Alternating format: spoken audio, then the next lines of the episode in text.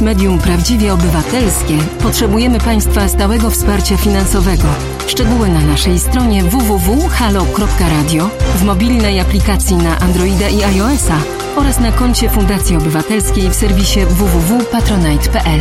Naszym darczyniom i darczyńcom serdecznie dziękujemy. www.halo.radio. Słuchaj na żywo, a potem z podcastów.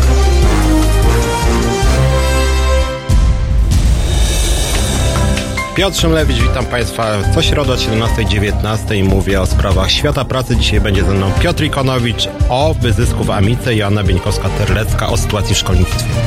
Halo Radio.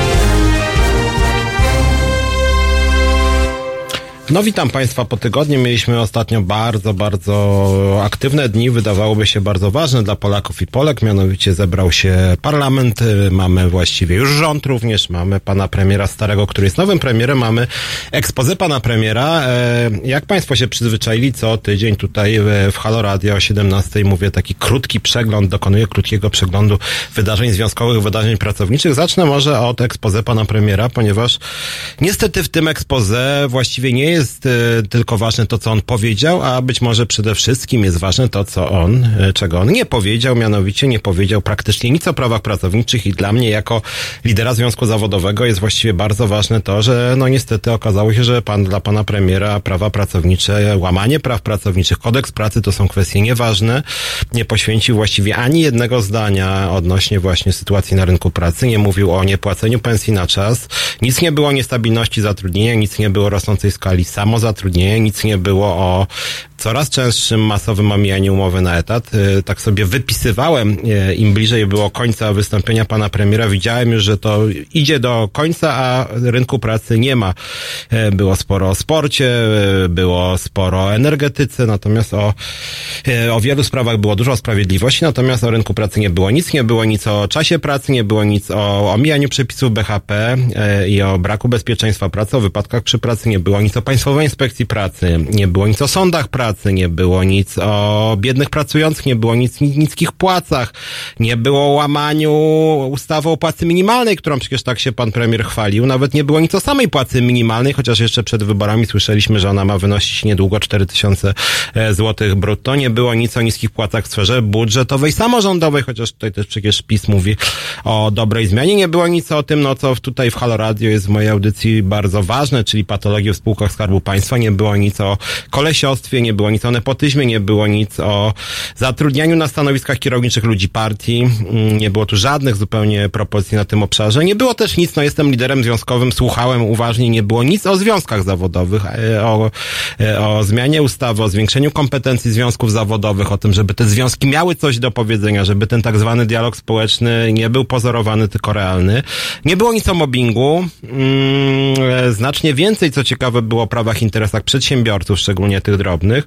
E, nie było nic o nierównościach społecznych, a przecież Prawo i Sprawiedliwość w pewnym momencie mówiło o dumnym narodzie polskim, no, do którego wszyscy ponoć należymy. Tymczasem się okazało, że nierówności panu premierowi e, nie przeszkadzają. Nie było nic o solidarności w systemie emerytalnym, a jedynie bardzo dziwny pomysł, żeby e, wpisać do konstytucji zabezpieczenie prywatnego, komercyjnego filara systemu emerytalnego. Nie było nic o tworzeniu miejsc pracy, chociaż zarządów Prawa i Sprawiedliwości tych nowych miejsc pracy za wiele nie przybywa, pomimo wysokiego wzrostu gospodarczego więc generalnie rzecz biorąc wystąpienie pod kątem praw pracowniczych było bardzo, bardzo słabe. E, z drugiej strony, jako związkowiec, jako dziennikarz, jako prowadząc też Haloradia, żebym miał tutaj o czym Państwu mówić, my jako Związkowa Alternatywa podejmujemy różne działania. Przypomnieliśmy ostatnio władzy taki nasz postulat, żeby za każdą pracę w niedzielę były dwa i pół razy wyższe e, wynagrodzenia. Cały czas władza nas tutaj lekceważy. Raz pani minister powiedziała, że to nie jest ważna sprawa i że nie będzie, że nie będzie kupczyć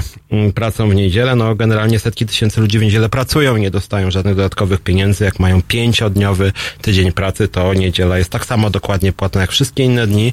W związku z tym mm, my niezmiennie apelujemy o to, żeby we wszystkich branżach, w całej gospodarce ludzie dostawali te dwa i pół razy więcej.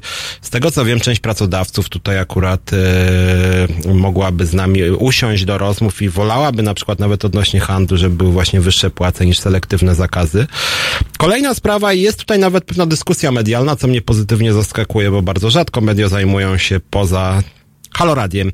Media bardzo rzadko się zajmują e, kwestiami społeczno-ekonomicznymi. Pojawiła się dyskusja na temat trzydziestokrotności tak zwanej, ale merytorycznie bardzo mało się tłumaczy społeczeństwu o co tutaj chodzi. A chodzi, proszę Państwa, jednym zdaniem o to, że w momencie, kiedy państwa roczne dochody przekroczą 30-krotność miesięcznego wynagrodzenia, to przestają państwo płacić składki emerytalne i teraz PiS wpadł na pomysł, żeby od całości wynagrodzeń dla ludzi bogatych e, były płacone te składki, więc generalnie rzecz biorąc ja również jestem za tym, żeby oczywiście bogaci płacili takie same, no, czy nawet wyższe jeszcze procentowo składki niż ludzie ubodzy.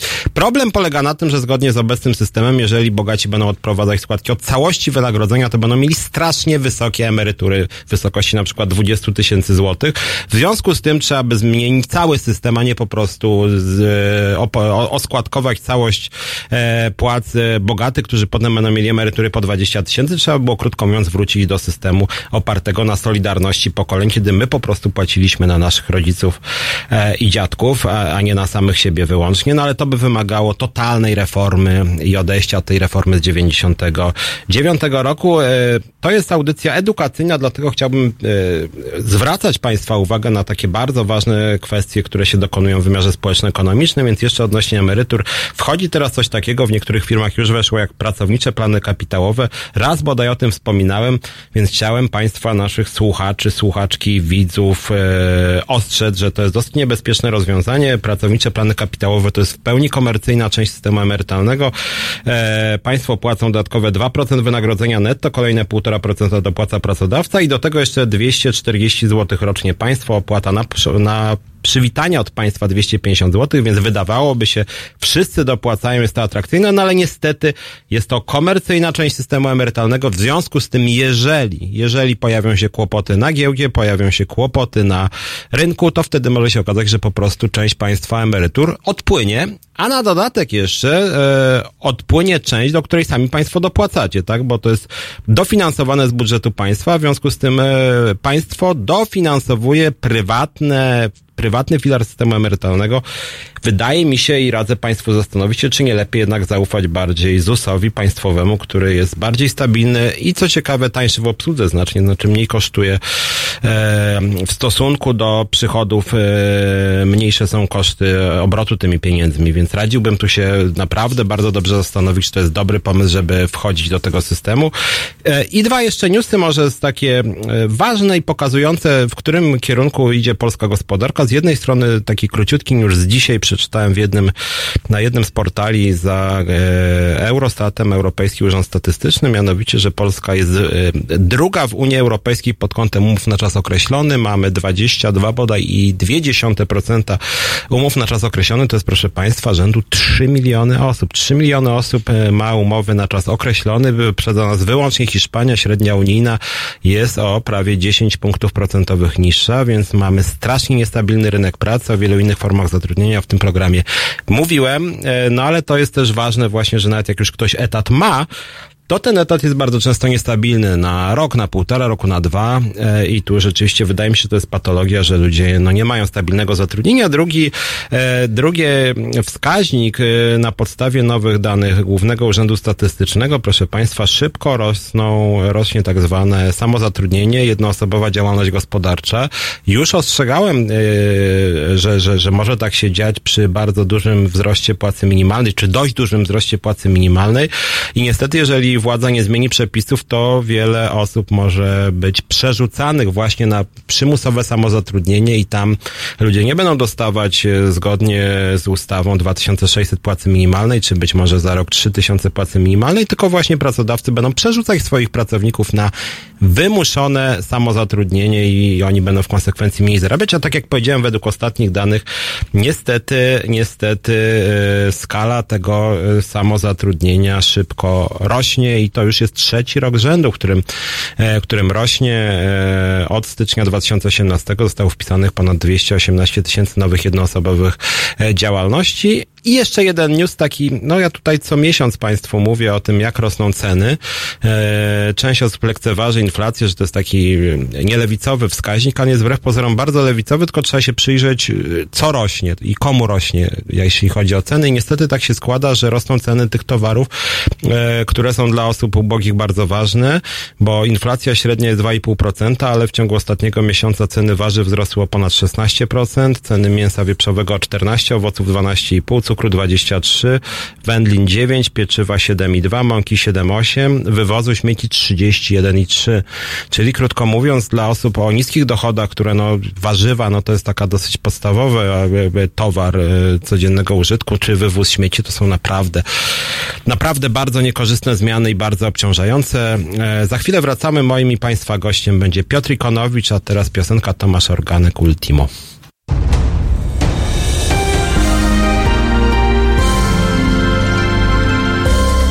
Jutro. Od 19 do 21. Muzyk, animator życia kulturalnego, społecznik, a przede wszystkim świadomy obywatel Tomek Konca i jego fantastyczni goście. 19.21. www.halo.radio. Słuchaj na żywo, a potem z podcastów.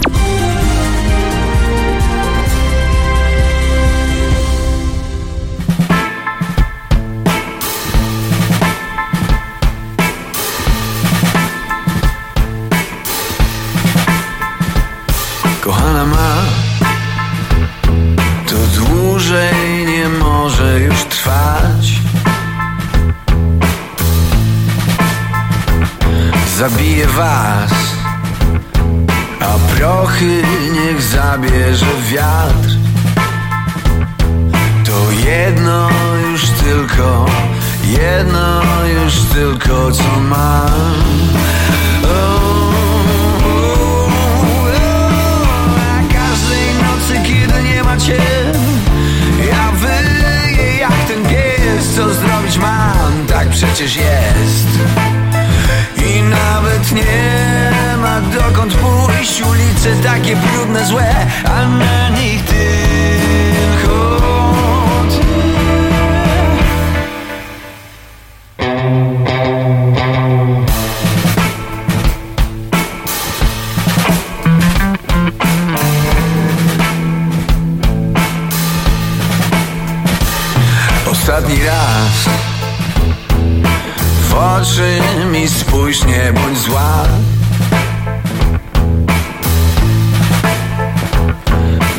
czas. Odejdzie niech smutek i strach. To jedno już tylko Jedno już tylko co mam A każdej nocy, kiedy nie ma cię Ja wyję jak ten pies. Co zrobić mam, tak przecież jest nie ma dokąd pójść? Ulice takie brudne, złe A na nich ty.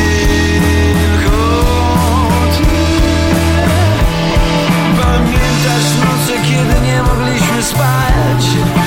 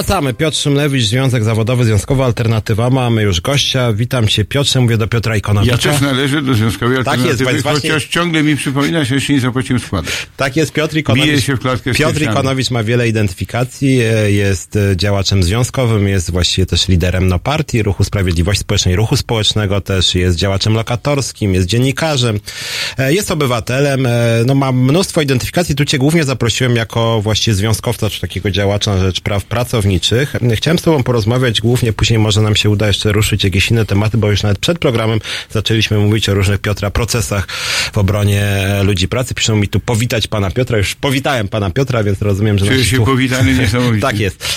E, chciałem porozmawiać o Amice. E, na Facebooku krąży, krąży takie hasło, właściwie taki hashtag e, Amika ma krew na rękach, ale jak wiesz sam, polskie media w zdecydowanej większości nie interesują się takimi sprawami jak Amika. Na szczęście internauci, zwłaszcza młodzi się zainteresowali.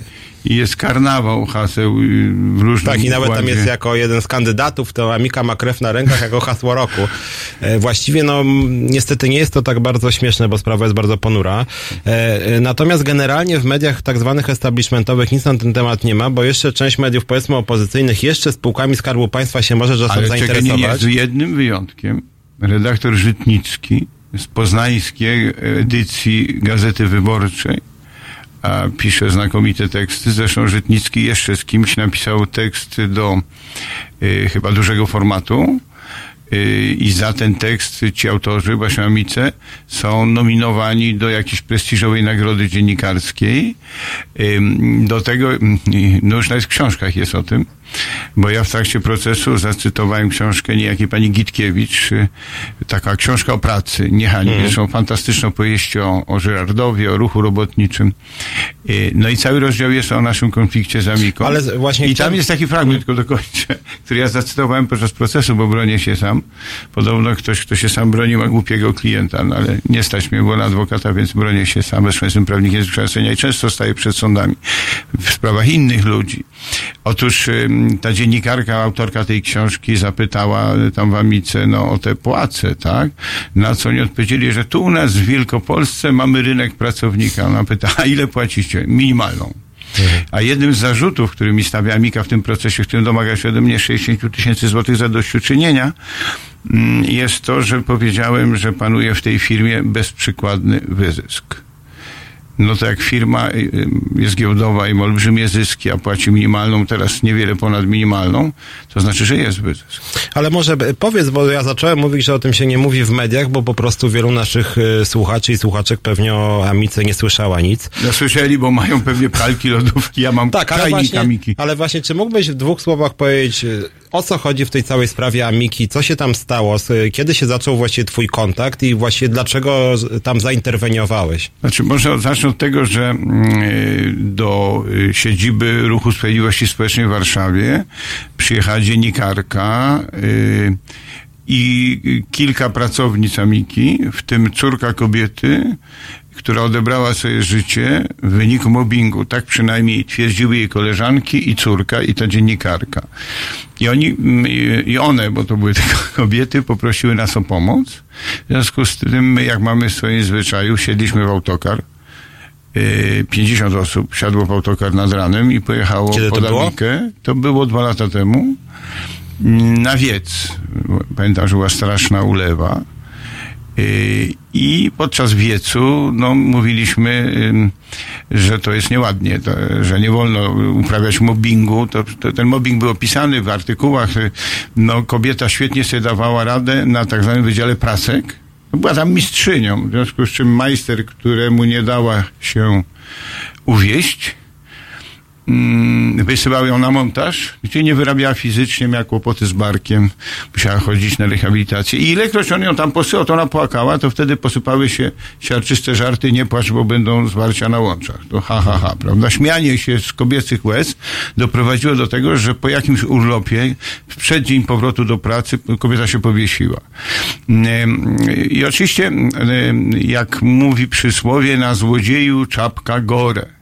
Najpierw jak zapowiedzieliśmy wiec pod Amiką, to zrobiono tego dnia dzień wolny. Potem, y, jak już przyjechaliśmy, no to wypuszczono zmianę tylnym wejściem y, półtorej godziny wcześniej. Ale za całą dniówkę zapłacili, trzeba przyznać. Ym, Kiedy był jakiś powtórny wiec, to teraz niedawno, kiedy odebrano w pierwszej instancji na żądanie Amiki dziennikarce Annie Wilk-Baran y, z Gazety Powiatowej, która o tym pisała, odebrano jej prawo wykonywania zawodu na trzy lata, no to już dziennikarzy szlak trafił. I Pamiętam, że nawet Jacek Żakowski w TOK FM wzywał do bojkotu konsumenckiego wyrobów Amiki, więc musiał się mocno zdenerwować, bo to jest daleko idąca reakcja. Zresztą wśród zarzutów, które mi się stawia jest też, że oni im spadła sprzedają, że trochę przesadzają, jeśli chodzi o moją efektywność, bo to jest duża i bardzo silna y, korporacja. Wiem, że podczas któregoś wiecu ostatniego mm, pod Amiką oni ogrodzili kawałek placu przed fabryką i udawali remont. To znaczy za pomocą młota pneumatycznego próbowali y, zdejmować kostkę y, brukową, czego się nie robi, bo to jest przeciwskuteczne. Znaczy każdy, kto ma jakiekolwiek pojęcie o tym zajęciu, użyłby każdego narzędzia poza młotem pneumatycznym, ale młot pneumatyczny miał tą zaletę, że był bardzo głośny. Dzięki czemu można było zagłuszyć przemówienia na wiecu. Jednocześnie oni Yy, wysłali dwóch kamerzystów, których specjalnie w tym celu wynajęli, żeby oni z bliska, poza kamerami telewizji przemysłowej, jeszcze z bliska kamerowali, czy który nie podejdzie, czy która nie podejdzie do nas. Ludzie podchodzili jednak, ale co ciekawe, pokazywali fałkę. Tylko my w czasach yy, burzy i naporu podnosiliśmy yy, dwa palce w geście Wiktorii, prawda, wylansowanym przez Churchilla, a oni tą fałkę pokazywali tak gdzieś przy pupie, tak, żeby, żeby tam ci nie widzieli. No. Więc to pokazuje, jakie jest zastraszenie, tak. Ale co ciekawe, większość naszych postulatów została spełniona. Yy, był taki postulat knioch za bramę. No bo to, to był ten, co, co dręczył. Ten, I został w końcu zwolniony dyscyplinarnie. No to 1-0, tak? A został zwolniony za ten, bo to było przyznanie się de facto do winy. No, też, no. chyba tam pretekst był trochę inny, ale no, sp- postulat został spełniony, nie będziemy się upierać przy motywacji. Em, Poza tym żądaliśmy wprowadzenia szkoleń antymobbingowych w fabryce i też doszło do takich szkoleń to licznych. No i e, postulat płacowy. Mm, my, jak oni wychodzili z fabryki, czy one wychodziły z fabryki, to życzyliśmy miłego dnia i podwyżki płacy. I szczerze mówiąc, pójście pod fabrykę z takim hasłem spotyka się nieodmiennie ze znakomitym przyjęciem, uściskami dłoni i promiennymi uśmiechami, chociaż czasami ironicznymi, bo ludzie mało wierzą. Ale co ciekawe, jak my przyjeżdżamy pod Amikę, bo już chyba mamy jakiś abonament z tymi autokarami pod tą Amikę, to tam stoi taki billboard, który zachęca do zatrudnienia się w tej korporacji. I jak pierwszy raz przyjechaliśmy, to tam była bardzo mała kwota, gdzieś w pobliżu płacy minimalnej, potem było 2700 brutto, a za ostatnim naszym przyjazdem było 2900 brutto, chociaż to jest i tak mniej niż na kasie tak, w Lidlu, tak. Mhm. a praca dużo cięższa na hali fabrycznej. I w związku z tym, że nasze przyjazdy powodują albo wiążą się jakoś czasowo z podwyżkami, to musieliśmy załodze obiecać, że będziemy często ich odwiedzać, to często będą podwyżki. I ja e, p- sądem oświadczyłem, że bardzo jestem zadowolony, że doszło do tego procesu. E, dlatego, że zresztą tych procesów y, Amika rozpętała mnóstwo, kilkanaście procesów. Co ciekawe, procesy wytoczono również córce zmarłej tak tragicznie zmarłej pracownicy i koleżankom. I, i kilka procesów ma ta dziennikarka. Y, to jest próba zatupania y, y, oporu społecznego i społeczników. I, i, A za co oni mają te procesy? Na przykład ta, ta no, córka. zniesławienie. Znie, ciągle zniesławienie. Ten niechlubny artykuł 212 kodeksu karnego, prawda?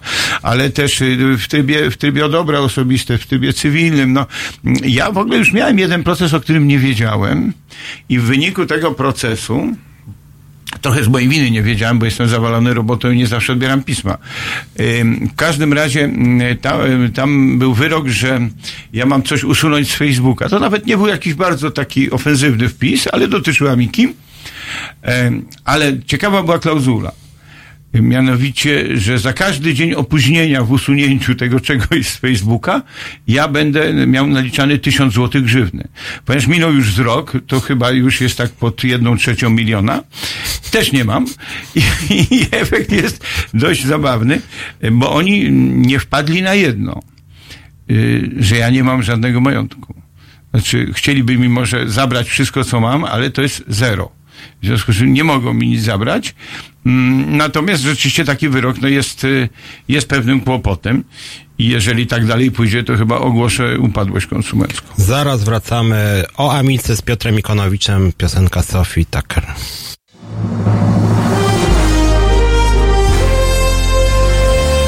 Jutro. Poranku między siódmą a dziesiątą budzi Państwa Wiktor Bater, najsłynniejszy polski korespondent wojenny. Teraz stacjonarnie w Halo Radio. Polityka zagraniczna, a sprawa polska. Od siódmej do dziesiątej. www.halo.radio. Słuchaj na żywo, a potem z podcastów.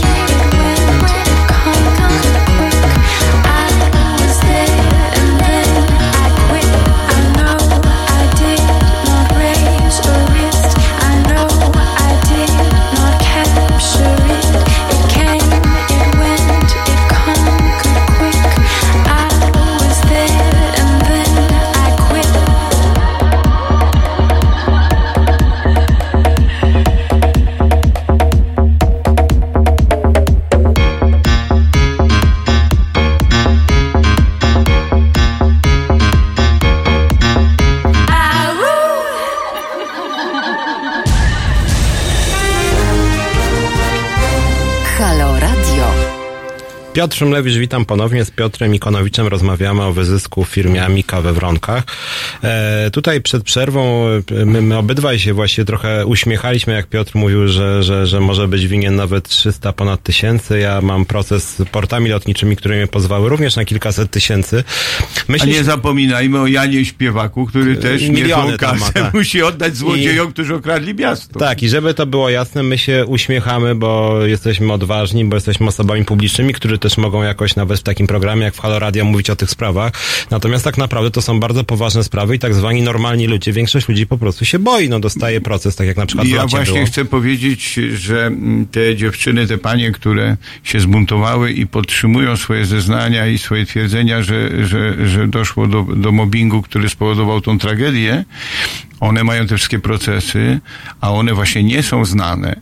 I, on, i teraz ja opowiem historię pani Magdaleny Pustkowiak, mm, którą odwiedził burmistrz Wronek, który jest bardzo ściśle powiązany z dyrekcją Amiki. Y, I przyszedł, y, ponieważ ona cierpi na zanik mięśni i zbierała na fundację i na operację pieniądze i on wiedział dokładnie ile jej brakuje i zaoferował jej 100 tysięcy złotych w zamian za, za, no, za zaniechanie tych twierdzeń, że to Amika swoim mobbingiem doprowadziła do tego samobójstwa.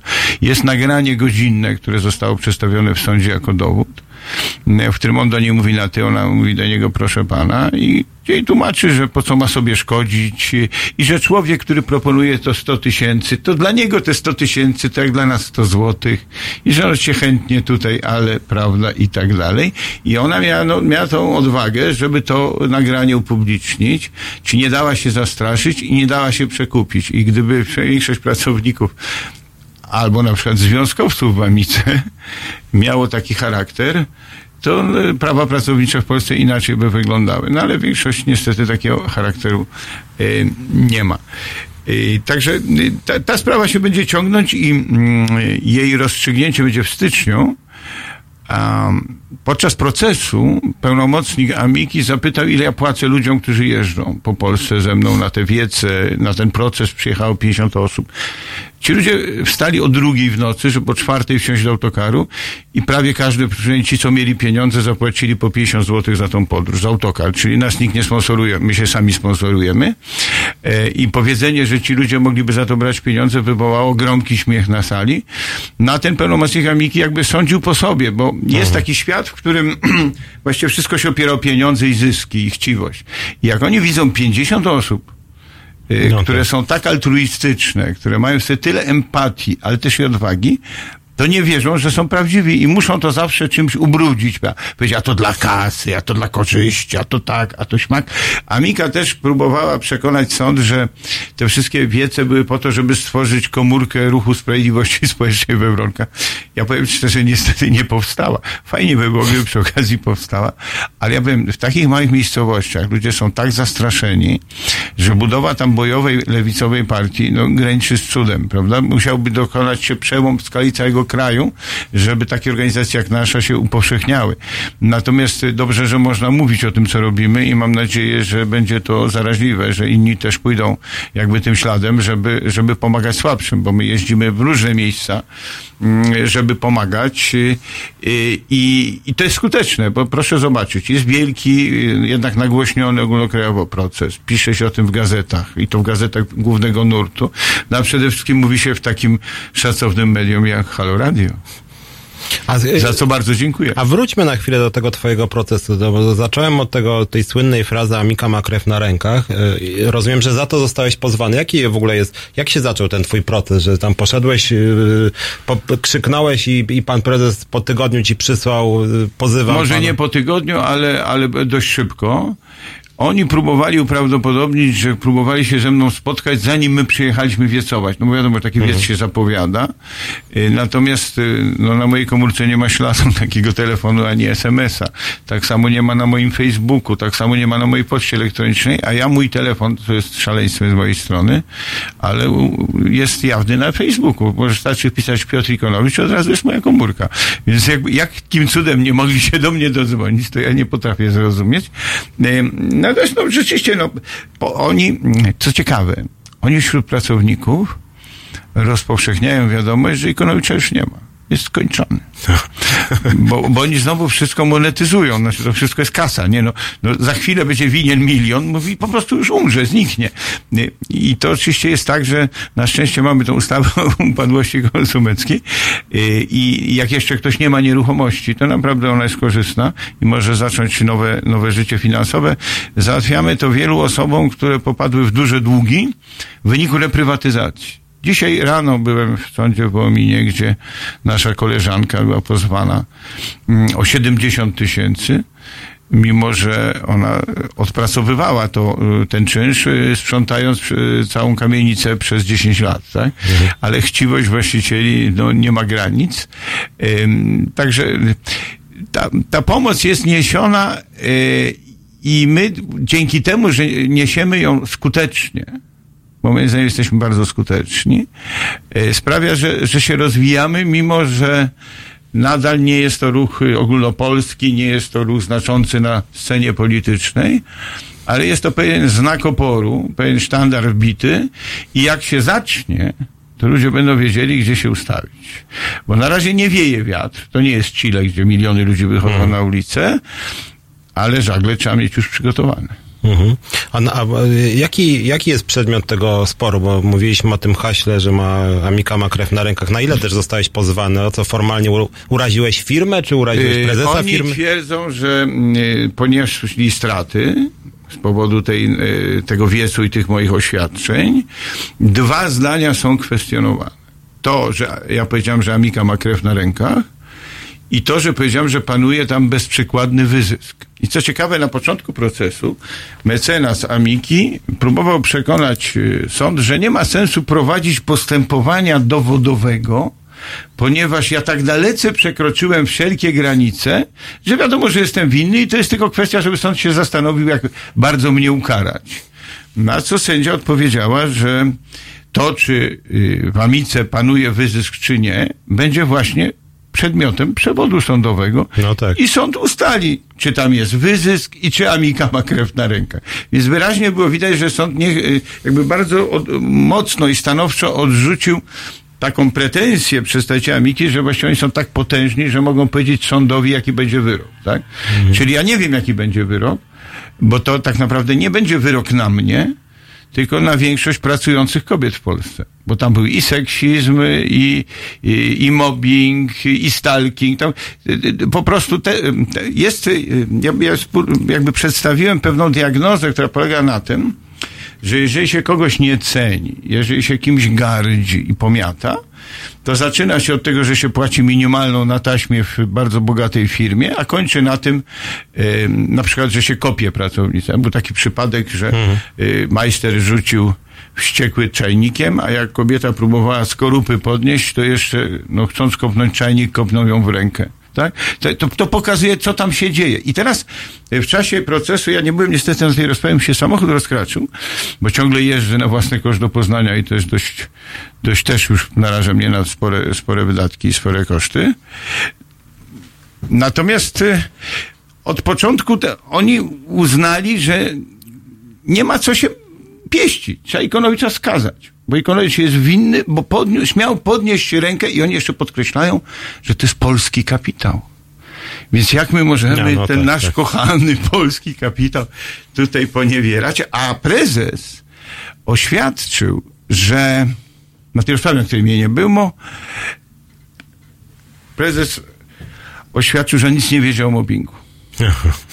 No i my mamy, na szczęście, listy 22 pracowników sprzed samobójstwa, również związkowców, który informował prezesa o mobbingu. Teraz oczywiście trzeba by założyć, że on tego nie widział, bo mu nie dostarczono. No ale zarząd, jest, jest prezentata, przedstawił, znaczy jakby potwierdził odbiór tego listu na długo przed tym, jak pani Ilona Pujanek y, tragicznie targnęła się na swoje życie. Straszna sprawa, za chwilę do niej e, wrócimy. Ja tak sobie myślę, że właściwie jak ciebie słucham, to zarząd firmy mógłby po prostu przeprosić, wycofać się i zamknąć sprawę. Tak by się- Zrobili sobie straszne kuku. Dlatego, że rozdmuchali sprawę. No, mówię, no już w książkach o tym piszę. Tak, Tak, no. To już jest coś niesamowitego. Y, I co ważne, że ta młodzież, niby żartobliwie, tak? Ale jednak jest wrażliwa. I podejmuje wątek. I raptem staje się to przedmiotem tej takiej subkultury młodzieżowej, internetowej. No i ludzie zaczynają po którymś tym y, takim śmiesznym y, wpisie y, czy rysunku, zadać sobie, a o co tam chodzi, tak? No i następni ludzie się dowiadują. I to już może naprawdę tak, na ja tym myślę, stracić. że tak. Ja myślę, że tak. Zalewski, Luka, za chwilę wracamy. Od poniedziałku do piątku. Właściwie codziennie, bo oprócz weekendów. Środek dnia należy do Państwa i do Wojtka Krzyżaniaka. Od 15 do 17 dużo, głośno i bardzo aktualnie. www.halo.radio. Słuchaj na żywo, a potem z podcastów.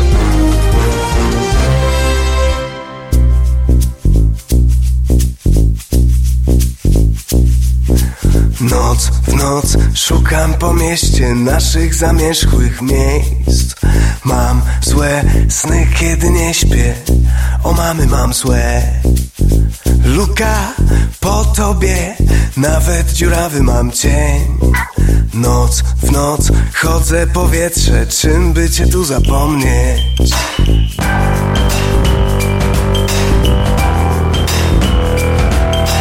Noc w noc szukam po mieście naszych zamierzchłych miejsc sny, kiedy nie śpię Nocą o mamy mam złe Luka po tobie Nawet dziurawy mam cień Noc w noc chodzę powietrze Czym by cię tu zapomnieć?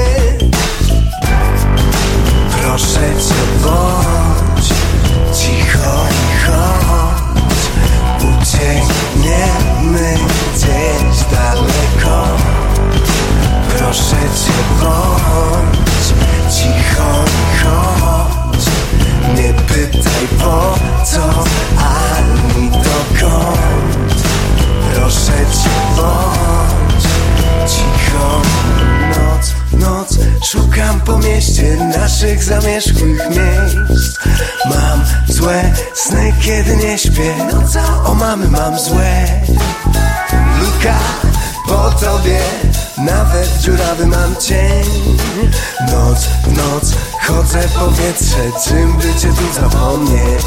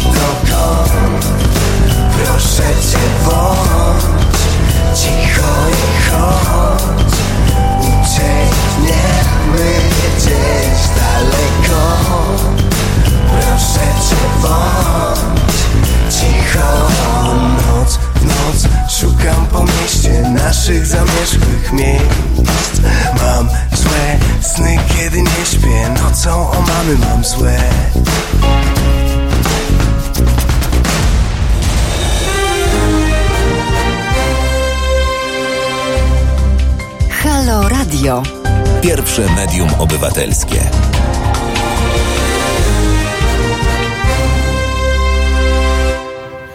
Piotr Szumlewicz, Związkowa Alternatywa, godziny związkowe w Halo Radio. Jest ze mną Piotr Ikonowicz, również Związkowa Alternatywa, też Ruch Sprawiedliwości Społecznej, działacz związkowy, lokatorski, polityk.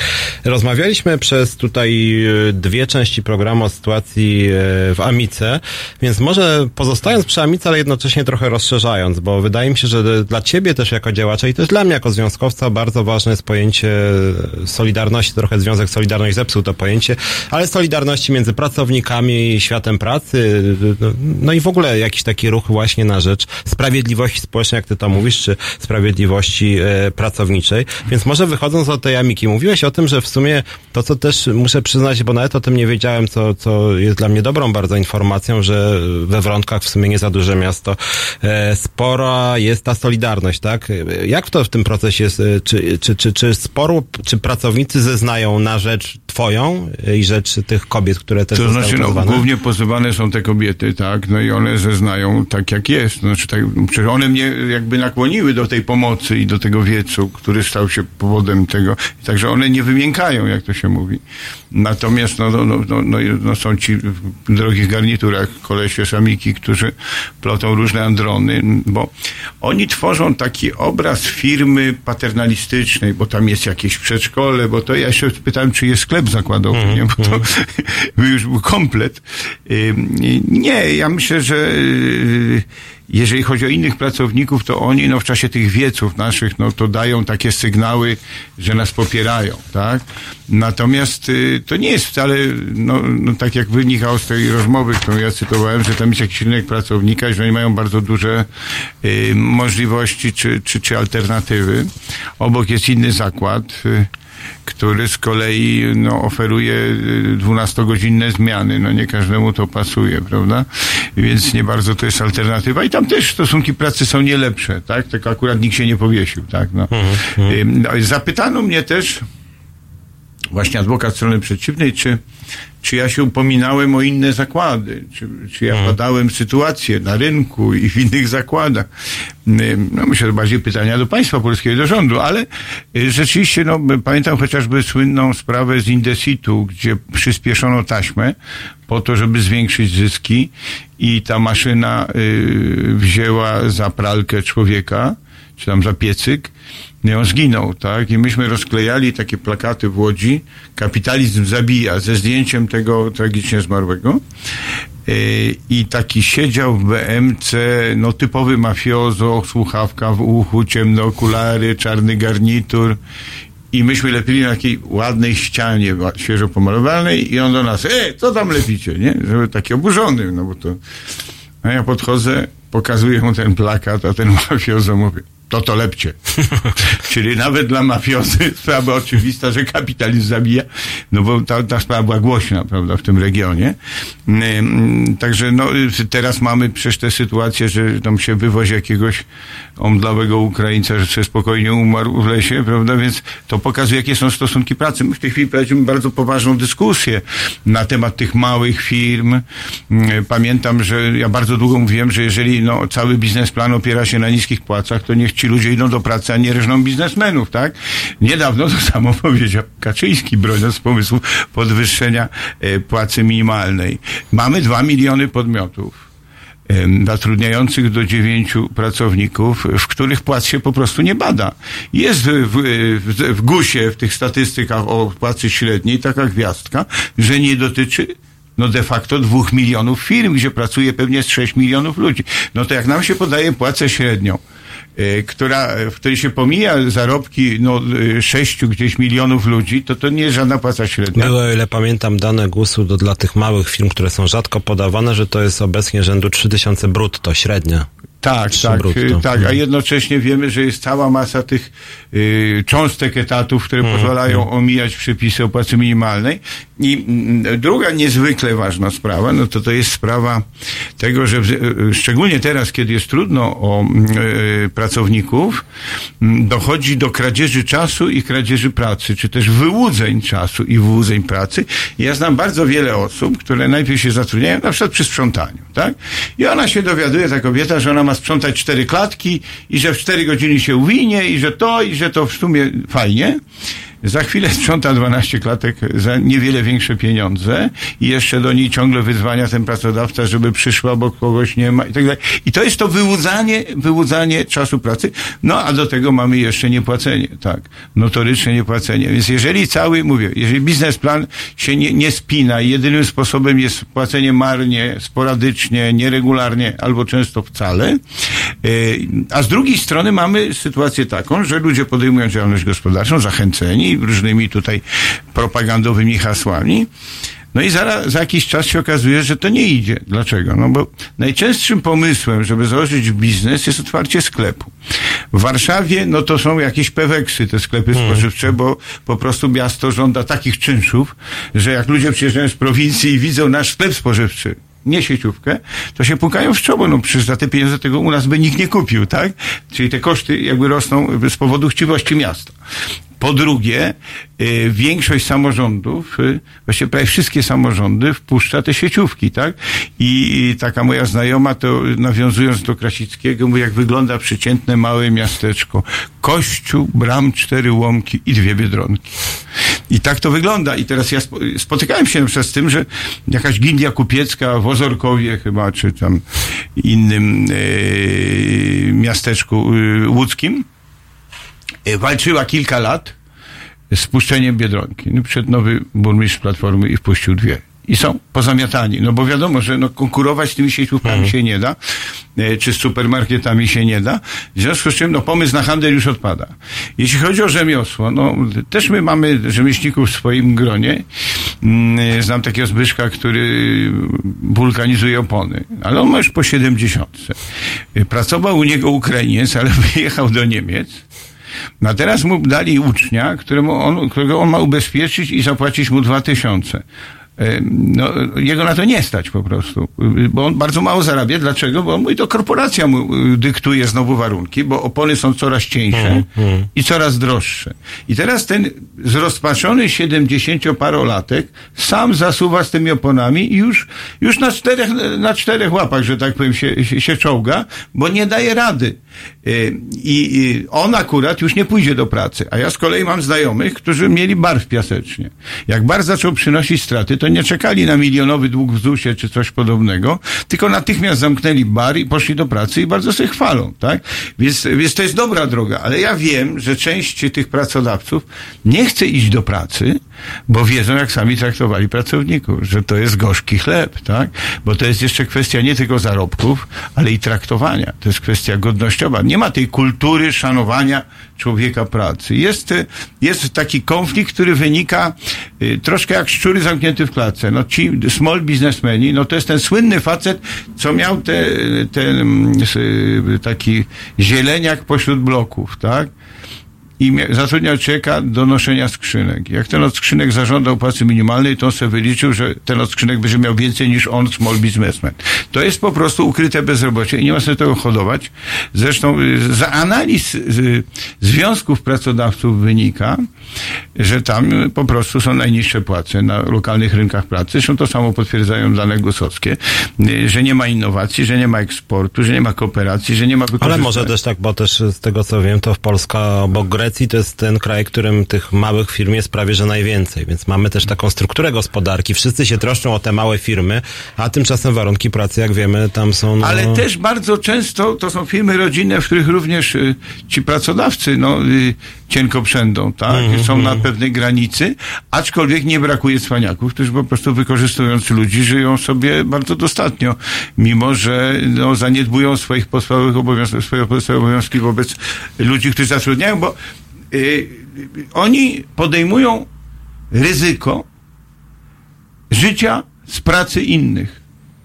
Prawda? Żeby inni, to jest to wielkie ryzyko. Ja zawsze nie rozumiem, jakie to jest ryzyko, że inni na ciebie robią, bo mnie się często moi dyskutanci, różni przedsiębiorcy pytają, mówi, a ilu ludzi pan zatrudnia? Nie, ja czynię honor sobie z tego, że nikt na mnie nie haruje, że ja się utrzymuję sam, prawda? I to jest, i to jest kwestia jakby, jak ujmiemy tą kwestię. E, Wreszcie, e, e, no, my jesteśmy krajem kapitalizmu peryferyjnego. My nie produkujemy żadnego produktu finalnego. U nas to wszystko jest związane i chodzi w łapciach i opowiadanie o jakimś wielkim sukcesie gospodarczym w momencie, kiedy no niczego nie, nie produkujemy. Pamiętam, w czasach PRL-u to przed Belgowie przyjeżdżali i strasznie nam zazdrościli, że Polacy produkują polski samochód, tak? Mieliśmy już polskie produkty. Teraz nawet firmy, które mają tradycyjne nazwy, które kojarzyłyby się z tym, żeby tworzone w kraju, już są, już są sprzedane, a rynek został oddany przez samorządy, tak? Musimy powoli kończyć, więc może jeszcze powiedz coś o ciekawym spotkaniu, które będzie w najbliższą sobotę, które wiąże się też częściowo z naszym programem. I w sobotę od 10 do 17 zbieramy się y, Aleja Jana Pawła II 25, dziewiąte piętro, Atrium Tower, tam się odbędzie konferencja y, Lewicowa Koncepcja Państwa Socjalnego. Jest to próba, znaczy to jest to rozpoczęcie pewnej debaty nad lewicowym systemem gospodarczym i społecznym, tak? No, bo od czasu do czasu ktoś wpada na pomysł, żeby wrzucić jakąś postępową i fajną ustawę, ale to się w nic nie, nie łączy, to, to się w nic nie układa. To są takie, że cała opozycja mm, to pisze tylko przypisy do polityki PiSu, podczas gdy PiS ma jakąś koncepcję, lepszą, gorszą, ale ona jest w miarę spójna, tak samo jak wcześniej liberałowie mieli jakąś koncepcję. Tylko ja nie widzę tej lewicowej, dlatego zebraliśmy znakomitych y, y, specjalistów, znakomitych y, myślicieli, E, Bo są dwa panele, jeden gospodarczy, e, drugi socjalny. W tym drugim no, bardzo rekomenduję przez e, prezentację Jolanty Banach, e, która zresztą była wiceministrem pracy i jest bardzo postępową i lewicową y, działaczką i, specjalistką. Y, Będzie też Grzegorz Ilnicki, człowiek, który wygrywał niezliczone procesy pracownicze właśnie w obronie związkowców, w obronie krzywdzonych pracowników, również działacz y, Kancelarii Sprawiedliwości Społecznej. E, I, y, I chcemy, że tak powiem, zrobić burzę mózgów. Y, Spodziewamy się obecności dużej liczby właśnie młodych ludzi z nowymi pomysłami, dla których hasło burza mózgów zadziałało przyciągająco. No i wszystkich zainteresowanych tą debatą, nie tylko wysłuchaniem, ale i udziałem w dyskusji bardzo serdecznie. Zapraszam, przypominam, 23 sobota Jana Pawła II, 25, 9 piętro. Ja też zapraszam i zapraszam do wstępowania do Związku Zawodowego Związkowa Alternatywa, a teraz króciutka przerwa, zaraz wracamy, będziemy mówić o oświacie.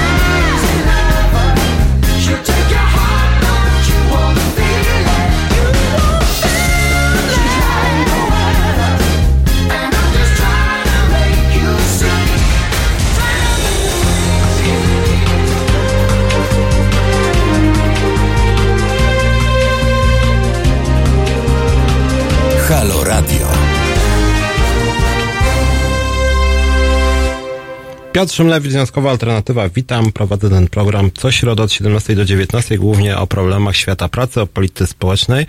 E, mam gościa Joanna Bieńkowska-Terlecka, nauczycielka, działaczka, matka. Witam cię. Dzień dobry.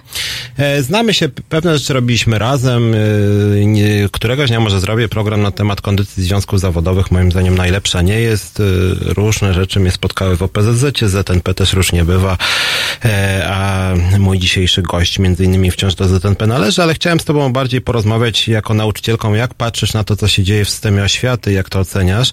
E, wiele mieliśmy nawet komentarzy, ja dotychczas prowadziłem na bardzo różne tematy program, a mimo to ludzie często wracali do oświaty. Coś jest takiego w oświacie, że e, ludzi ten temat interesuje i rzeczywiście no, ten strajk nauczycieli, nauczycielek był no, jednym z takich y, mocno, może być mocniejszych strajków. Niestety myślę, że tu chyba niestety nie ma wielkich kontrowersji, że on nie zakończył się zwycięstwem. Raczej Nie. była to porażka.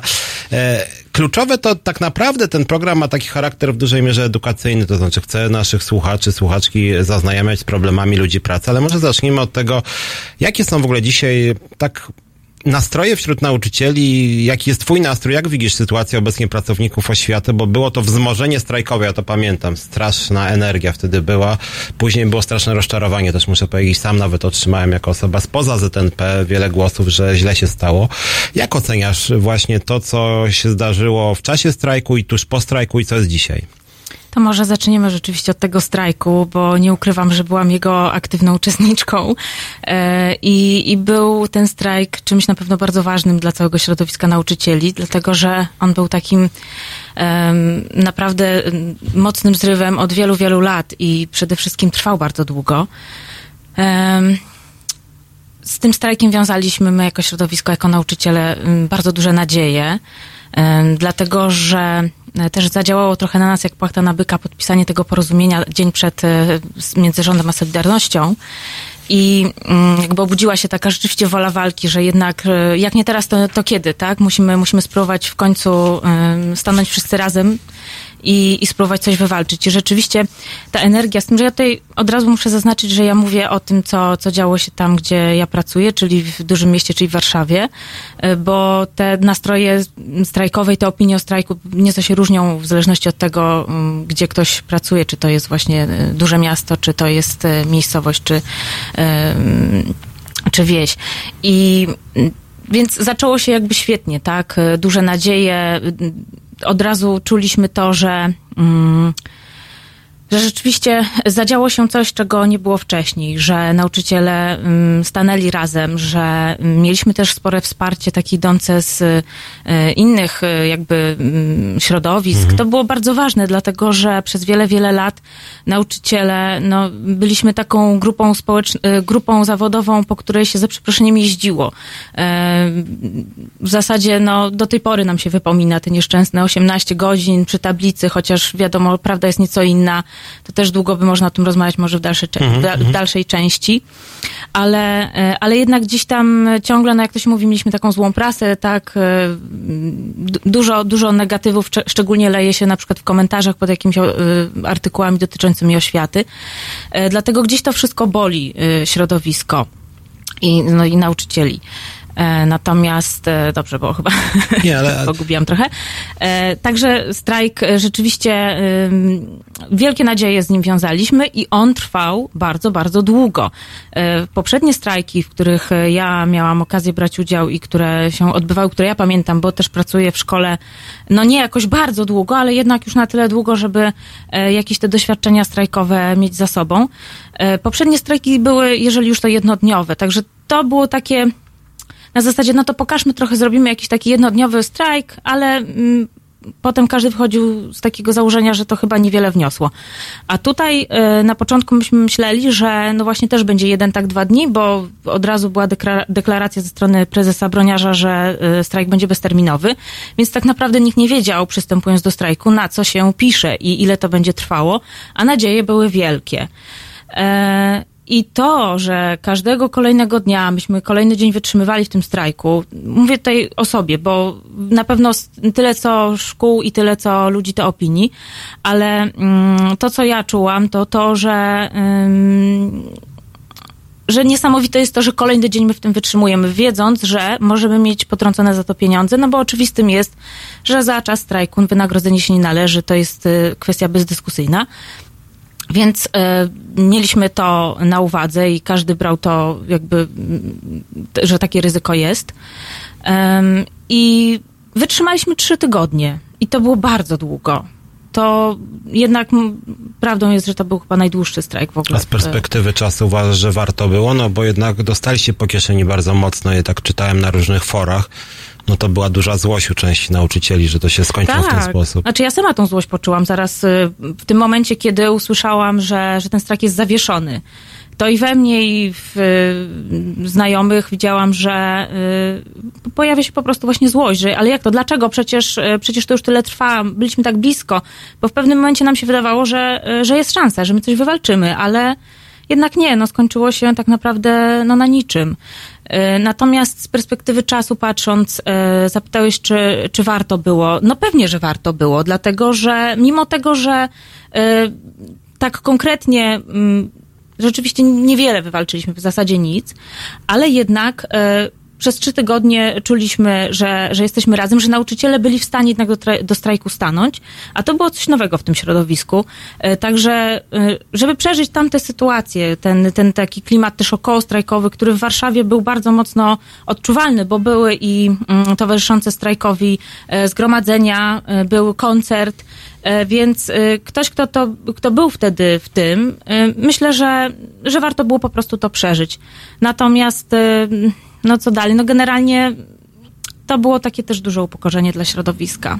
Mhm. Teraz przejdziemy do obecnej sytuacji y, w szkolnictwie, natomiast może jeszcze jedno takie pytanie, no nie chcę tutaj ciebie sytuować jako jakiejś liderki ZNP, czy w ogóle środowiska nauczycielskiego, ale, No nie, nie, nie. ale, ale gdybyś ty y, w momencie, kiedy ten strajk był przerwany, to uważasz, że warto było jeszcze dalej strajkować, czy rzeczywiście ludzie już byli zbyt zmęczeni i, i, i tę decyzję A wiesz co, y, to ja uważam, że to była jedna z najtrudniejszych decyzji, które wtedy zarząd ZNP musiał podjąć. I ja nie będę nigdy absolutnie oceniać tej decyzji, dlatego że było tak wiele i za i przeciw, jeżeli chodzi o zawieszenie. Rzeczywiście to, że w Warszawie to wszystko przebiegało jeszcze jakoś w miarę sensownie. Mówię mm, o tym, że mieliśmy gdzieś z tyłu głowy nadzieję, że pieniądze w jakiś sposób zostaną nam zrekompensowane, nawet jeśli zostaną potrącone, bo były potrącone. To e, taka sytuacja miała miejsce w Warszawie, natomiast w innych e, miejscowościach, tam gdzie inaczej zachował się samorząd, no ludzie takich nadziei mogli nie mieć. Także e, naprawdę nie chcę oceniać tamtej Mhm. decyzji, bo ona ym, była na pewno trudna i myślę, że została podjęta nie jednostkowo, ale pewnie kilka To, co, osób. to cofnijmy się trochę przed strajk i właściwie no, ta audycja ma taki charakter edukacyjny. Jakie są zarobki nauczycieli? Bo właściwie no, wkurzyło was to, że mało zarabiacie. Taka Bo my ciągle za mało zarabiamy. Jakie są generalnie te zarobki nauczycieli? Ja nie mówię to o jakichś danych gusowskich, ale tak ogólnie jaki, jaki to jest yy, zakres, że tak powiem, od do mniej więcej? Jak, ile można To, ja zarobić? się posłużę ściągawką, bo przyznam szczerze, że ostatnio y, tych tabel y, było kilka i ja też teraz dokładnie, ponieważ ja już jestem Mhm. nauczycielem y, dyplomowanym, tak, czyli ta, ta stawka dobra. Może sięgnijmy 1 stycznia 2019 Mhm. albo jeszcze mamy 1 września 2019, o, bo tam e, były zmiany. Nauczyciel stażysta, wynagrodzenie netto na rękę to jest około 2000 zł. Dwa tysiące, Według słyszą tej państwo? tabeli takiej, tak. jak, jak atrakcyjnie zarabiają ci roszczeniowi polscy nauczyciele. Bardzo, 2000 netto. Bardzo.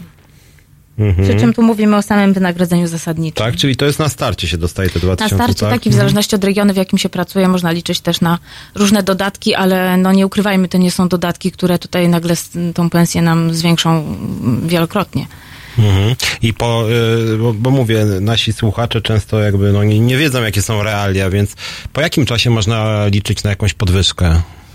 E, To jest uzależnione od e, stopni awansu zawodowego i tutaj też były różne zmiany mm, w ostatnich latach. Rządzący nam skracali i wydłużali e, te mm, czas, kiedy można osiągnąć ten kolejny stopień awansu. I tutaj też przyznam szczerze, że już się trochę ostatnio pogubiłam, w tej chwili na jakim jestem etapie, e, na, na, to znaczy na jakim to jest etapie, to ja już troszkę e, nie wiem, czy nawet dokładnie ostatnio dobrze wyczytałam, że chyba wróciliśmy do starej wersji, czyli e, tego, tego skróconego czasu, e, czyli w tym momencie, jeżeli rzeczywiście jesteśmy w tym, w, tych stary, w tym starym okresie, po mniej więcej jednym roku szkolnym nauczyciel może liczyć na nieco wyższe wynagrodzenie, bo wtedy osiągnie stopień nauczyciela kontraktowego. I według tej tabeli, którą mam przed sobą, czyli stan na 1 września 2019, to zarobi aż 2059 zł. Także różnica. 2000 zaczynamy, po roku dwóch 2060 zł. Króciutka przerwa, zaraz wrócimy do płac w szkolnictwie. Jak Państwo słyszą, no niestety nie są to najwyższe płace. Piosenka Massive Attack.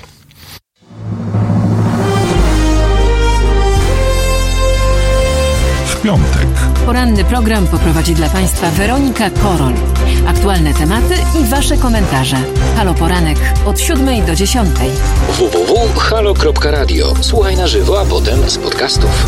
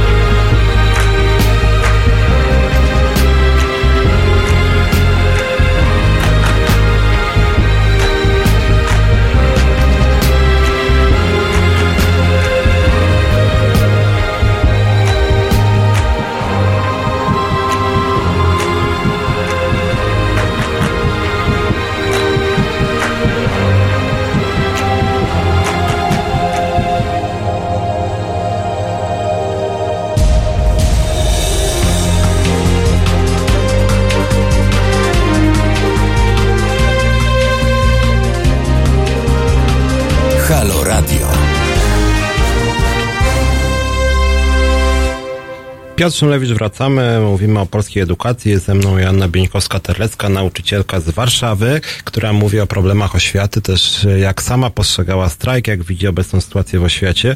W przerwie mówiliśmy o tym, że tak rząd zamieszał, że już nie do końca wiadomo, jak z tą dynamiką płac jest, bo rząd obiecał, że raz 5%, dwa 5%. Teraz słyszymy, że może być z tym różnie, bo na przykład samorządom obcięto środki, bo obniżono podatek PIT 17%, więc cięcia dla samorządów. Może się okazać, że biedne samorządy, czy samorządy, które są na przykład zarządzane przez opozycję, części pieniędzy nie dostaną i nauczyciele usłyszą, że no niestety z ustawy może coś wynika, ale my pieniędzy nie mamy. Natomiast przed przerwą mówiliśmy o tym, że taki początkujący nauczyciel, nauczycielka zarabia pieniądze na poziomie 2000 tysięcy na rękę. No i tutaj nawet e, kolega, który nam tutaj realizuje program, tak spojrzał na nas ze zdziwieniem, bo nie jest powszechna wiedza, że aż tak mało się zarabia w polskiej oświacie. Właściwie może takie historyczne trochę pytanie, bo to, to, też dla mnie, jako próbuję z zewnątrz trochę patrzeć, jest to niezrozumiałe. Jakby nie było praca nauczycielki, to jest bardzo, bardzo odpowiedzialna praca, bardzo stresująca, bo dużo dzieci, które tam krzyczą sobie, biją się, bawią się. Duża e, odpowiedzialność. Duża odpowiedzialność też, bo jak coś się stanie, to nauczyciel odpowiada co sprawia właściwie, że to są dwa tysiące na starcie? No to faktycznie lepiej chyba pójść sobie do jakiegoś, nie wiem, tam, nie wiem, Tesco, Biedronki, czego. Nie jest to zachęcające specjalnie. No nie jest, a mimo to nadal, e, no ludzie do tej pracy przychodzą i, i rozpoczynają tę pracę. E, natomiast na początku tutaj wspomniałeś, że e, mimo, że na różne tematy macie tej audycję, ludzie nadal pytają o tą edukację. Dlatego, że edukacja jest czymś, co dotyczy nas wszystkich praktycznie, bo większość ludzi e, ma dzieci, ma te dzieci w jakiejś szkole czy w jakimś przedszkolu, więc siłą rzeczy z tą edukacją się styka, bądź też mam więcej lub mniej do czynienia i ze szkołą. Natomiast e, ja nie wiem, czemu tak jest, że, że odkąd pamiętam, jeszcze jak byłam na studiach, to się mówiło, że a, no to w szkole to się nie zarobi za dużo. I tak jest do tej pory. E, I nadal nie wiem, dlaczego e, nigdy nikt nie z rządzących nie wykonał takiego ruchu, żeby po prostu te, te płace jakimś jednym ruchem na, nagle poszybowały porządnie w górę, e, to z reguły e, jak e, mowa jest właśnie o jakichś podwyżkach, to a, no jakieś tam 5%, może 7%, ale tak naprawdę w skali tych, tych 2000 to jakieś 5% to są jakieś mm. po mhm. prostu groszowe sprawy, które, które mamy dostać jako podwyżka. My się czasem śmiejemy z koleżankami, że to jest na waciki po prostu, bo, bo i, to, i to jest nazywane podwyżkami. I tak jest ciągle. Natomiast wszystko wokół drożeje i, i te pensje tak naprawdę no, praktycznie stoją dla nas w miejscu. Czemu tak jest, nie wiem. A jakbyś tak, bo czasem są takie badania nawet w Cebosie, jakie płace uważają ludzie za godne i czego oczekują? E, jak myślisz, jaka powinna być, no uwzględniając oczywiście to, że jesteśmy krajem nie do końca bogatym, ale tak patrząc, no średnia krajowa wynosi już tam ponad 5 tysięcy brutto, mhm. czyli 3800-900 na rękę jakie powinny być te zarobki e, polskich nauczycieli i myślisz, że ile, bo wydaje mi się, że ważne jest ile jest na starcie, tak? Bo jak na starcie jest strasznie mało, no to się nie chce tam iść po prostu, tak? tak. Więc jak nie, myślisz, nie e, jakbyś była takim, no nie wiem, może no minister edukacji też nie ma tak dużo do gadania, musiałabyś być premierem. E, jakbyś miała zadecydować e, rzeczywiście ile powinny dzisiaj wynosić, uwzględniając bogactwo kraju, dochody, zarobki nauczycieli? Myślę, że ta średnia byłaby całkiem atrakcyjna. Natomiast y, ja patrzę na to przez pryzmat tego, żeby y, to były takie pieniądze, za które bez problemu młody człowiek, znaczy może nie bez problemu, ale da radę kupić mieszkanie i utrzymać się sam e, i utrzymać dzieci czy rodzinę, którą ma. E, generalnie, żeby to nie były pieniądze, gdzie trzeba przeliczać z miesiąca na miesiąc i liczyć każdy grosz, czy mi starczy, czy mi nie starczy, albo mam większy wydatek, to już mi nie starczy. E, tylko żeby to były takie pieniądze, które pozwalają na normalne życie bez konieczności ciągłego co miesiąc liczenia, e, czy wystarczy, czy nie wystarczy, a co, na co mogę sobie pozwolić kupić, a na co nie mogę. I mówię tutaj w szczególności o dużych miastach. Mhm. bo tutaj y, szczególnie te mieszkania są bardzo drogie. Czyli cały czas te zarobki są niskie, a wracając do początku naszej rozmowy, mówiliśmy o strajku, o tym, że strajk no, upadł i ludzie też są rozczarowani, no ale nie tak dawno ZNP mówiło, nie wiem, czy forum chyba też o tym, że jest coś w rodzaju strajku włoskiego, jest, jak, jakaś forma protestu ma miejsce. Jak oceniasz obecnie takie nastroje wśród nauczycieli i czy wierzycie, że coś się poprawi, że... Tak. No właśnie, nie wierzę. nie wiem, czy to dobrze mówić, ale tak naprawdę no, słabo jest z tą wiarą. Przede wszystkim y, my się boksujemy z róż, różną władzą od lat o pewne kwestie. E, a w szczególności o zarobki. Przecież to jest e, ciągle od lat jest jeden i ten sam temat, żeby nauczyciel zarabiał godnie, żeby to był zawód atrakcyjny dla przyszłych pokoleń. E, A to, mówię, od, od wielu lat jest w kółko to samo, że wiecznie jak się mówi, że ktoś zarabia mało, to na pewno chodzi o nauczycieli, tak? Bo oni to są ci, którzy zarabiają ciągle mało. Więc e, te nastroje no, no nie są takie mm, pełne nadziei na przyszłość, bo tu się co, co władza, to się nic nie zmienia. No chyba nawet spadła w stosunku do średniej ta płaca nauczyciela w ciągu ostatnich tam czterech lat, tak? No po tym, jak ma rząd podnieść płacę minimalną, tak, to nagle w pewnym momencie okazało się, że e, stażysta będzie zarabiał poniżej minimalnej. No to to już w ogóle był taki policzek straszny dla, e, dla nas, e, no bo człowiek, który musi skończyć studia ma i, i kształcić się cały czas i podjąć też często kolejne studia, bo to są wymogi, żeby w ogóle zacząć pracę w szkole, e, no nagle się okazuje, że on nawet nie osiąga pensji minimalnej. Także no wiem, że teraz w najbliższym czasie, e, zdaje się, że taka była zapowiedź wczoraj w, e, w ekspoze, chociaż nie jestem tego pewna, ale ma być wyrównanie, tak? Tutaj możesz mi dopowiedzieć, Mhm, jakby te, pewnie wiesz trochę lepiej. Ma być wyrównanie tych pensji mm, które nie osiągałyby pensji minimalnej. Natomiast y, no, dalej to jest ciągle poziom pensji minimalnej, no więc jakby o czym my mówimy? No, jedna z najlepiej wykształconych grup y, zawodowych, która ma w rękach y, przyszłość dzieci, przyszłość y, narodu, że tak powiem już górnolotnie, ale generalnie ta odpowiedzialność dosyć duża na nas spoczywa, że, że my mm, te dzieci mamy nauczyć, mamy przygotować do, e, do, do życia tak naprawdę też e, i, i okazuje się, że ciągle zarabiamy na poziomie niewiele ponad e, pensję minimalną. Tak, niestety. To jest demotywujące i to też stawia w takim trochę słabym świetle w ogóle cały ten system naszego państwa i, szkolnictwa. A z drugiej strony polska szkoła ma dosyć e, dobre e, wyniki i sukcesy, ale tutaj nauczyciele właśnie słabo wynagradzani. No trochę tak, trochę to tak nie, nie tak chyba powinno wyglądać. Tak, a propos płacy minimalnej, ostatnio był taki w cudzysłowie awangardowy pomysł jednej z pisowskiego samorządu, że wszystkim pracownikom przenosił ich na trzy czwarte etatu, żeby nie łamać ustawy o płacy minimalnej, więc, więc de facto obniżał im realne wynagrodzenie, aby tylko e, zgodnie z ustawą, tak?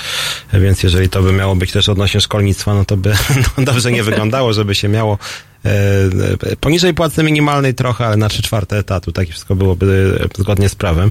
Natomiast pytałem też o ten e, strajk. Myśl, czy myślisz, że w ciągu najbliższych no, lat to może za daleka perspektywa, no ale przynajmniej roku, dwóch powiedzmy, czy jest jakaś szansa, że, że, że nie, no strajk to jest poważna sprawa, tak, ogólnopolska, ale... A mówisz o takim strajku w rozumieniu, Tak, ale że jakaś, to jest czy- zaprzestanie tak, pracy. Tak? Czy jakaś forma protestu się szykuje? No bo wiem, że jest mowa o tym w strajku włoskim, to też ZNP o tym mówiło. Mm, Ale pytanie, czy to jest skuteczne, tak? Bo czy, czy władza się tego boi? No bo nie A zauważyłeś, żeby się bała? Bo ja nie za bardzo. Znaczy pytanie też, czy władza bała się tego strajku? Ale właśnie tu nie wiem. No, sama jestem ciekawa, kiedyś, kiedyś e, w, przysz- w dalekiej przyszłości może ktoś mnie oświeci, czy, czy ktokolwiek wtedy bał się tamtego strajku, e, bo na pewno był e, znaczący. Natomiast nie wydaje mi się chyba, żeby teraz władza się bała tego protestu włoskiego, bo strajkiem nie możemy go nazwać. Dobrze wiesz dlaczego. To nie jest odmowa, odmowa pracy, nie zaprzestajemy pracy, tylko pracujemy, e, ale jakby z taką dużą skrupulatnością, ale już nam e, się mówi, że żebyśmy nie przeliczali wszystkiego na złotówki, ale no nie, to nie jest tak, że my przeliczamy wszystko na złotówki, tylko praca nauczyciela jest tak e, taką specyficzną pracą, e, w której wiele rzeczy się robi niekoniecznie wynikających konkretnie z jakichś zapisów w prawie. Wiele rzeczy robimy, bo chcemy, bo, bo, bo ktoś ma e, jakiś pomysł na, na pewne zajęcia czy na jakieś projekty. E, I y, tak naprawdę w szkole pracuje bardzo wielu pasjonatów, którzy, y, którzy po prostu lubią tę pracę, lubią dzieciaki, lubią młodzież i chcą zrobić z nimi coś fajnego. Y, Dlatego y, ja trochę tak nie mam takiego konkretnego zdania na temat tego protestu włoskiego. Na pewno, y, na pewno warto przyjrzeć się zakresowi obowiązków nauczycieli. To, y, że czasami jest wiele sytuacji takich, że oni są przeciążeni, że, y, że robią więcej. Ale też mamy, nie wiem, czy dojdziemy jeszcze do tego tematu, że mamy duże braki kadrowe w oświacie, szczególnie w dużych miastach. Tak, właśnie e, za Nauczycieli chwileczkę, brakuje. Za chwileczkę do tego przejdziemy, natomiast mam takie wrażenie, że władza trochę wykorzystuje to, że właśnie jest wielu nauczycieli pasjonatów i tak mówię, jak wy jesteście pasjonatami, to chyba nie będziecie protestować, strajkować, tak? Bo tak kochacie tą pracę z dziećmi. No kochamy oczywiście i y, też nigdy nauczyciele nie chcą zrobić nic, co Hmm. byłoby wbrew dzieciom i, i narażało je na, w jakiś sposób na, na, jakiś, y, na jakąś niekorzyść, ale y, no, jak ktoś mówi, pasją też się nie da e, nakarmić własnej rodziny, nie da się spłacić tych kredytów, bo w tej chwili większość młodych osób jakieś kredyty ma na te mieszkania i po prostu, no, Tutaj jeden z naszych słuchaczy pisze właśnie, że tnie się etaty, tak, a drugi sugeruje, żeby robić jednak strajk generalny. No, bardzo słuszna jest koncepcja strajku generalnego, tylko pana zapewniam, że to nie jest takie proste. to nie bardzo. jest takie proste, na pewno Żeby tak strajk. ludzie chcieli strajkować też w tych małych przedsiębiorstwach. Króciutka przerwa, piosenka Sting. W piątek Między 17 a 19 Agnieszka Żądło da upust swojej reporterskiej pasji. 17-19. www.halo.radio. Słuchaj na żywo, a potem z podcastów.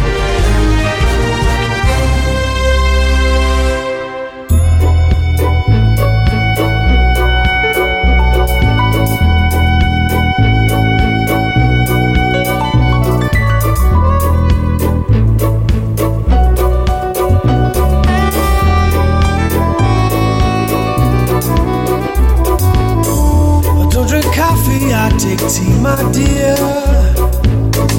I like my toast done on one side. You can hear it in my accent when I talk. I'm an Englishman in New York. See me walking down Fifth Avenue, a walking cane here at my side.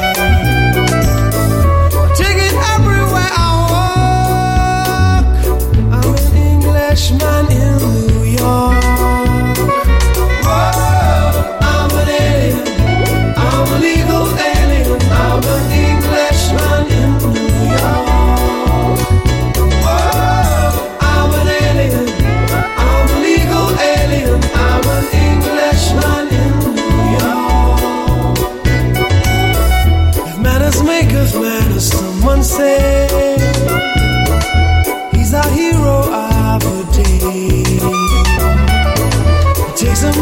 Suffer ignorance and smile. Be yourself, no matter what they say. Whoa, I'm an alien. I'm a legal alien. I'm an Englishman in New York. Whoa,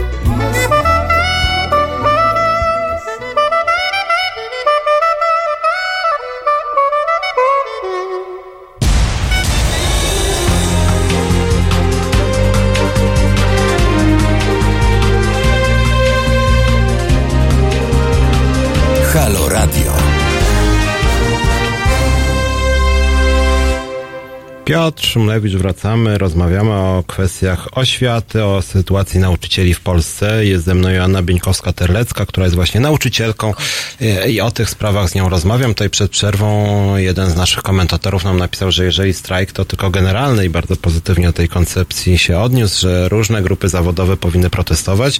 Ja się uśmiechnąłem, ale mój uśmiech nie był takim uśmiechem pogardliwym, tylko takim trochę uśmiechem smutnym, że oczywiście strajk generalny to jest bardzo dobra rzecz, bo wydaje mi się, że rzeczywiście szczególnie w sektorze publicznym i sektorze samorządowym sytuacja wygląda bardzo źle. Ja tutaj zapraszam do programu też pracowników na przykład e, poczty, e, pracownicy socjalni mają trudną sytuację, kuratorzy sądowi, jest bardzo dużo zawodów, które strasznie źle zarabiają, tylko też bardzo trudno tych wszystkich ludzi e, połączyć, trudno te protesty skoordynować. E, Strajk generalny w Polsce, co ciekawe, w ogóle jest nielegalny, nie ma czegoś Nie takiego ma w czegoś prawie. A poza tym to jest bardzo trudne, co tutaj mówiłaś przed przerwą, że e, jesteś z Warszawy i w Warszawie te protesty też inaczej wyglądały. Do mnie dzwoniło sporo osób, że Piotrek, jedziemy i później co ten broniarz narobił, że odszedł. A jak przyjrzeć się w mniejszych miejscowościach, gdzie ludzie się znają też i kiedy na przykład, nie wiem, rodzice mówią, Haniu, no jak ty możesz strajkować, jak mój syneczek, coś tam. Tak. I to niestety tego typu problemy, a z innymi branżami jest dokładnie tak samo. Też pracownik socjalny często jest z małej miejscowości w dużej. W jednym rządzi PiS, w drugiej w PO, trzecim w SLD. Tam, gdzie rządzi PiS, to mogą być naciski uważaj, bo ci pojedziemy po pensji bardziej, a jeszcze możesz pracę stracić. Więc to są często naprawdę udział w strajku brałem, właściwie organizowałem częściowo strajk w locie. To wymagało naprawdę dużej odwagi i ludzie w pewnym momencie stracili pracę. Dyscyplinarnie 67 osób. Przede wszystkim strajk jest sytuacją generującą bardzo duży stres. E, I to kosztem bardzo dużo, y, duże koszty emocjonalne ponoszą wszyscy uczestnicy strajku, ja tak uważam. Dlatego, że po pierwsze, to nie jest wcale fajna sytuacja dla pracownika, że nagle przychodzi pewnego dnia i mówi, ja dzisiaj nie pracuję, bo, bo, bo podejmuję strajk. Po drugie, nie jest to też dobra sytuacja, niekomfortowa dla pracodawcy, jeżeli pewnego dnia przychodzi i pra- pracownicy mówią, nie dzisiaj nie będziemy świadczyli pracy. I w przypadku szkoły mamy jeszcze e, rodziców i dzieci i dla dzieci z jednej strony dzieci, to tutaj No tak, mają mieszane uczucia. Dzieci oczywiście chciałyby, żeby strajk e, trwał długo, one się cieszyły z racji tego, że dla nich był to po prostu czas wolny, ale dla rodziców ogromny kłopot, tak? Przede Mhm. wszystkim z zapewnieniem opieki tym dzieciom, no ale też nie odbywały się lekcje bardzo długo, także y, to wszystko jakby skupia pewną, y, generuje złość tych grup, a złość tak naprawdę no, skupia się w tym momencie na tych, którzy są e, jakby prowodyrami tego strajku i, i biorą w nim udział. Także w oświacie jeszcze jest e, ten problem, że to nie wygląda doku- tak jak w, w jakimś takim typowym miejscu pracy, że e, roszczenia, które mają pracownicy, wystosowywują konkretnie do e, swojego szefa czy przełożonego i on ma realny wpływ na to, czy da te podwyżki, czy nie. Tylko tutaj tak naprawdę strajk jest skierowany do dyrektora, natomiast ten dyrektor nie ma możliwości, choćby nie wiem jak chciał i, i mm, jak bardzo by popierał ten strajk, on nie ma możliwości tych podwyżek dać. Tylko ten strajk gdzieś tak naprawdę jego adresatem Mhm. jest minister. Władza. I to jest tak naprawdę sytuacja no, kompletnie w ogóle mm, paradoksalna i chora dla, dla samej organizacji strajku, bo adresat w ogóle go nie odczuwa. Natomiast e, odczuwa go jak najbardziej dyrektor, który często też, e, wiadomo, no sam jest nauczycielem i on też z reguły jest tak, że jest całym sercem za tymi pracownikami. Tak, chciałbym, żebyście więcej zarabiali, jestem z was dumny i tak dalej. E, ja mówię o takiej sytuacji, że, że jest naprawdę dobrze, bo podejrzewam, Hmm. że nie wszędzie, ale no tak, tak jest też i Natomiast on nie może dać tych pieniędzy, więc no to generuje tak naprawdę e, duży stres, problemy i duże napięcia, bo strajk sam w sobie jest po prostu eskalacją konfliktu, tak, który narastał wszędzie. To wystarczy przestudiować tą ustawę o rozwiązywaniu sporów zbiorowych, że mamy pewne etapy, które poprzedzają strajk, żeby on w ogóle mógł zaistnieć, nie można ich pominąć, więc to no, jakby wcześniej już narasta. I eskalacja konfliktu, strajk, czyli nie, nie będziemy no, dzisiaj pracować. Jak no, chodzi o to strajk, trudne. to ja też, jak tutaj nasi słuchacze nam piszą o tym, że warto strajkować, no to takie do nich pytanie, czy oni by byli zdolni strajkować. Na pewno warto, jeżeli wcześniej nie udało się nic wywalczyć. Bo warto walczyć o swoje, żebyśmy, żeby to było jasne. Warto walczyć o swoje. Natomiast e, no, tutaj ten strajk trwał już długo i pytanie zadałeś mi wcześniej, czy, czy przerwanie go było dobrą decyzją.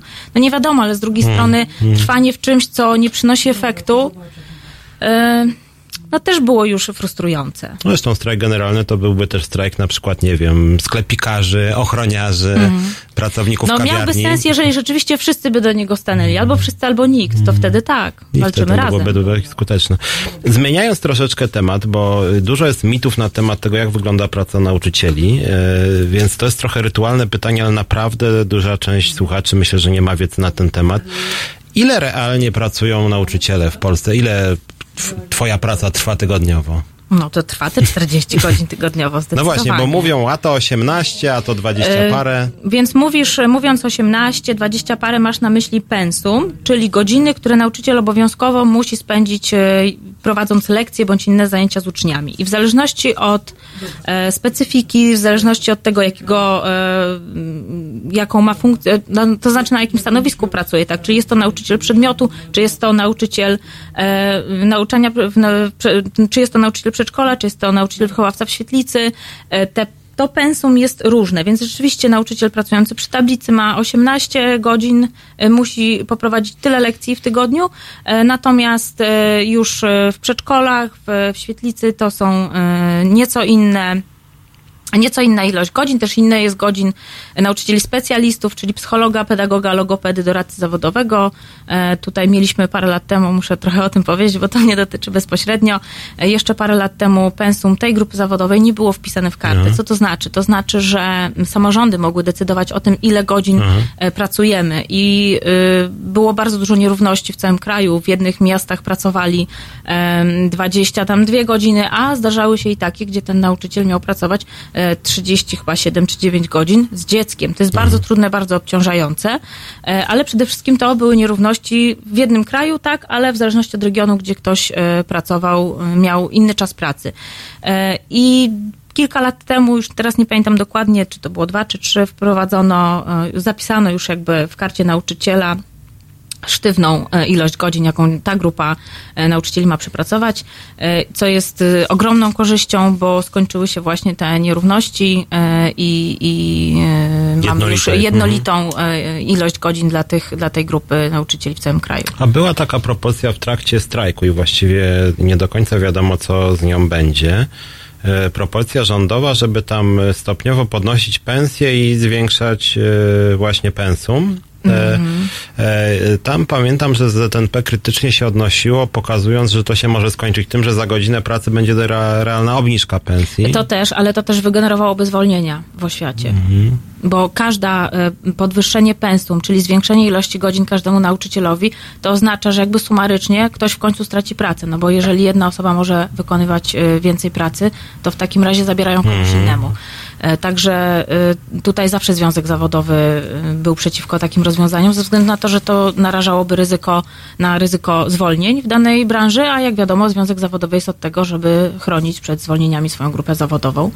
Natomiast no, zacząłeś pytać, ile tak naprawdę ten nauczyciel pracuje. No, my mówimy ciągle, operujesz tym pojęciem, znaczy i ja i ty operowaliśmy pojęciem pensum, czyli tych godzin przy tablicy, natomiast jest cały szereg i katalog zajęć, które nauczyciel wykonuje poza tym pensum, czyli kiedy zakończy te lekcje, to nie jest tak, że on idzie do domu e, i, i tam już nic nie robi, e, tylko e, bardzo wiele rzeczy i czynności musi wykonać, czy to w szkole, czy czasami też w domu.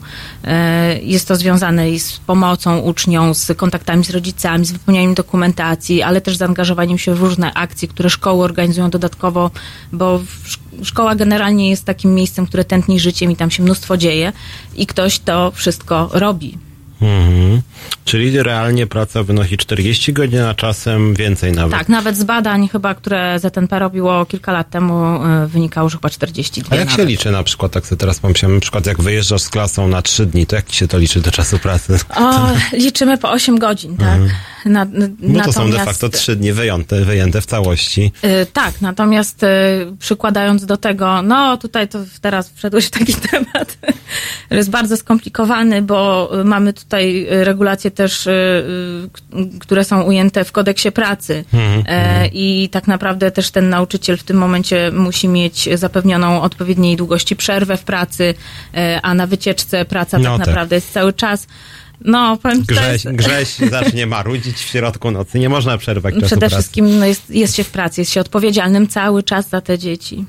Wycieczka to jest bardzo trudny Sły, słyszą Państwo, że praca nauczyciela no, nie jest łatwą pracą, a wracam do tego, co mówiliśmy w pierwszej bodaj części. Na początku dostaje się mniej więcej 2000 zł na rękę, cały czas strasznie, strasznie mało, bardzo blisko płacy minimalnej. Krótka przerwa, Kaleo Hot Blood.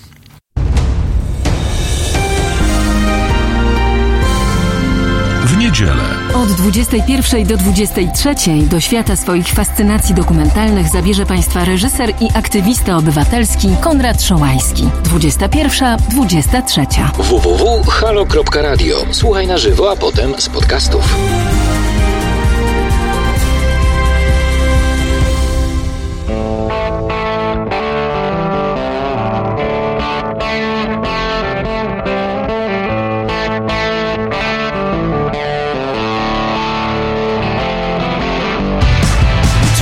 Back, you're a broken man. They come around and just dying to shake your head. Don't expect you to understand. Just keep telling yourself there's no shame. They don't know about who we are. They don't know about you and I. They ain't know blind by the stars of your eyes. Oh, hot blood love is gonna get. You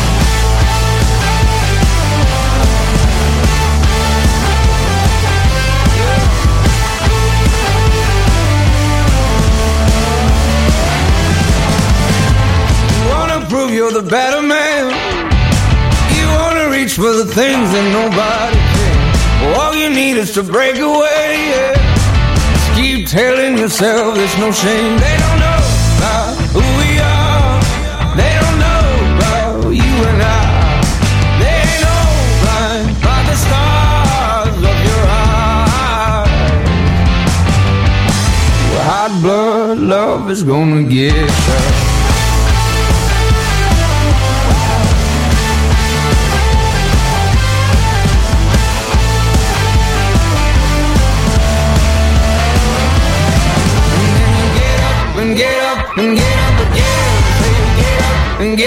Get up, get up, get up, get up.